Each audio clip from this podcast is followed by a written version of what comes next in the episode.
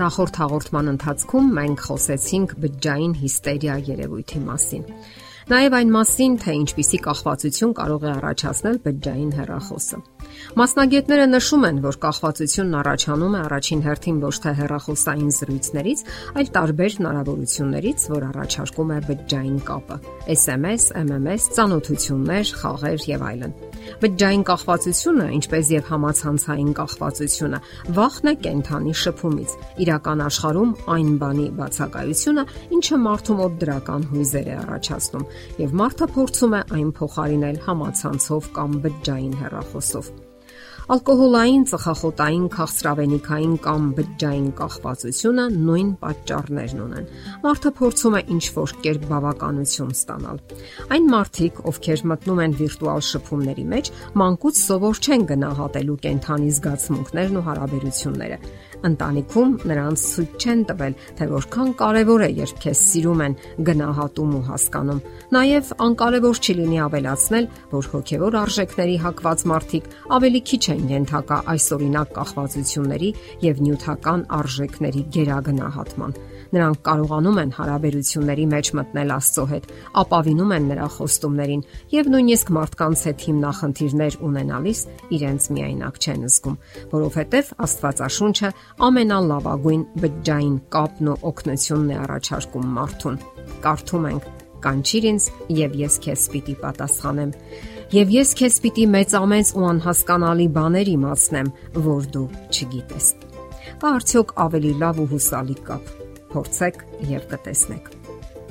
Անհանգստանալու երրորդ պատճառը հարաբերությունների խաթարումներն են ընտանիքում Շատ կանայք ու տղամարդիկ դառնում են հերոստա ճգնավորներ եւ համացանցի ճգնավորներ գտնվելով մեկուսացման մեջ եւ շատ քիչ են շփվում ընտանիքի անդամների հետ։ Հարկավոր է ավելի ու ավելի շատ ժամանակ անցկасնել երեխաների հետ ամուր ու վստահելի հարաբերությունները երեխաների հետ նրանց եւս պահպանում են կախվածություններից եւ ված սովորություններից, այլ կերպ ասած ինքնակայքայումից։ Որքան դեռահասներ են զրկված այդ հարաբերություններից այն պատճառով, որովհետեւ նրանց ծնողները սուզվել են համացանցի ու հերոստացույցի աշխարհը, մոռանալով անգամ իրենց գոյությունը։ Իսկ շատ երեխաներ էլ իրենք են անընդհատ հերոստացույցի առաջ, ել չասենք համացանցի կամ խաղերի մասին։ Պրոֆեսոր Միլլերն այսպիսի դիտարկում է ներկայացնում Նույնիսկ էլեկտրոնային փոստի մշտական ստուգումը մեկ այլ առաջադրանքի իրականացման ընթացքում դրան զուգահեռ կարող է նվազեցնել ուղեղի գործունեության մտավոր զարգացման գործակիցը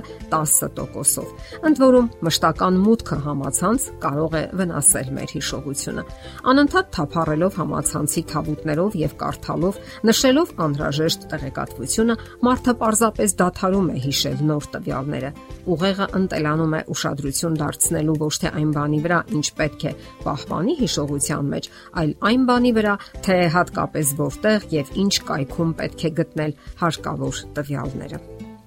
Իմաստ չունի քննադատել կամ դատապետել ինֆորմացիոն տեխնոլոգիաները։ Դրանք ընդհանրապես միջոցներ են, այլ ոչ նպատակ։ Հերոստացույցը եւս։ Մեզ համար շատ ավելի կարևոր է կարգավորել եւ հսկողության տակ պահել դրանց հետ հարաբերությունները, օգտագործել դրանց օգտակար հնարավորությունները եւ խուսափել ծուղակներից։ Խորհուրդ ենք տալիս ուրشادիր հետևել դրանց բովանդակությանը եւ սահմանափակել օգտվելու ժամանակը։ Հարկավոր է ավելի շատ շփվել ընտանիքի անդամների եւ երեխաների հետ։ Դրանով հնարավորություն կստեղծվի կարգավորելու նաեւ առողջական խնդիրները՝ գիրացում, նստակյաց կյանք իր բոլոր բացասական հետևանքներով։ Դա կբերի նաեւ ընտանեկան հարաբերությունների որակական փոփոխության, բարելավելով դրանք։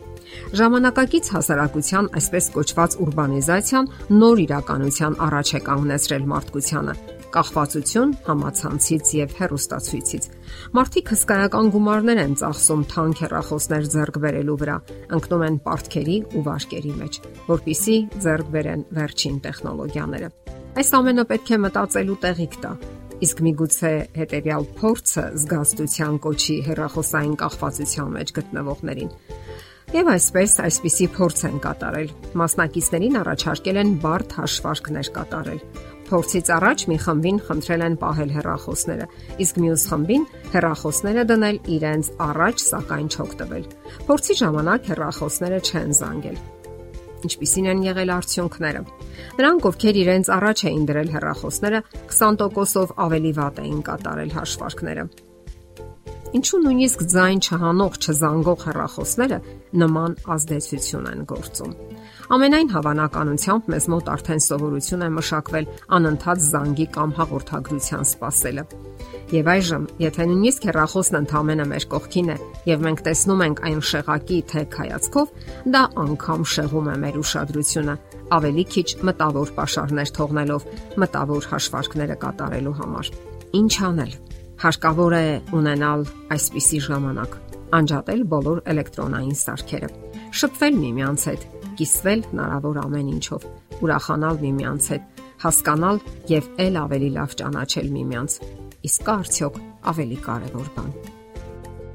Եթերում առողջ ապրելակերպ հաղորդաշարներ։ Ձեզ հետ է Գեղեցիկ Մարտիրոսյանը։ Հարցերի եւ առաջարկությունների համար զանգահարել 033 87 87 87 հեռախոսահամարով։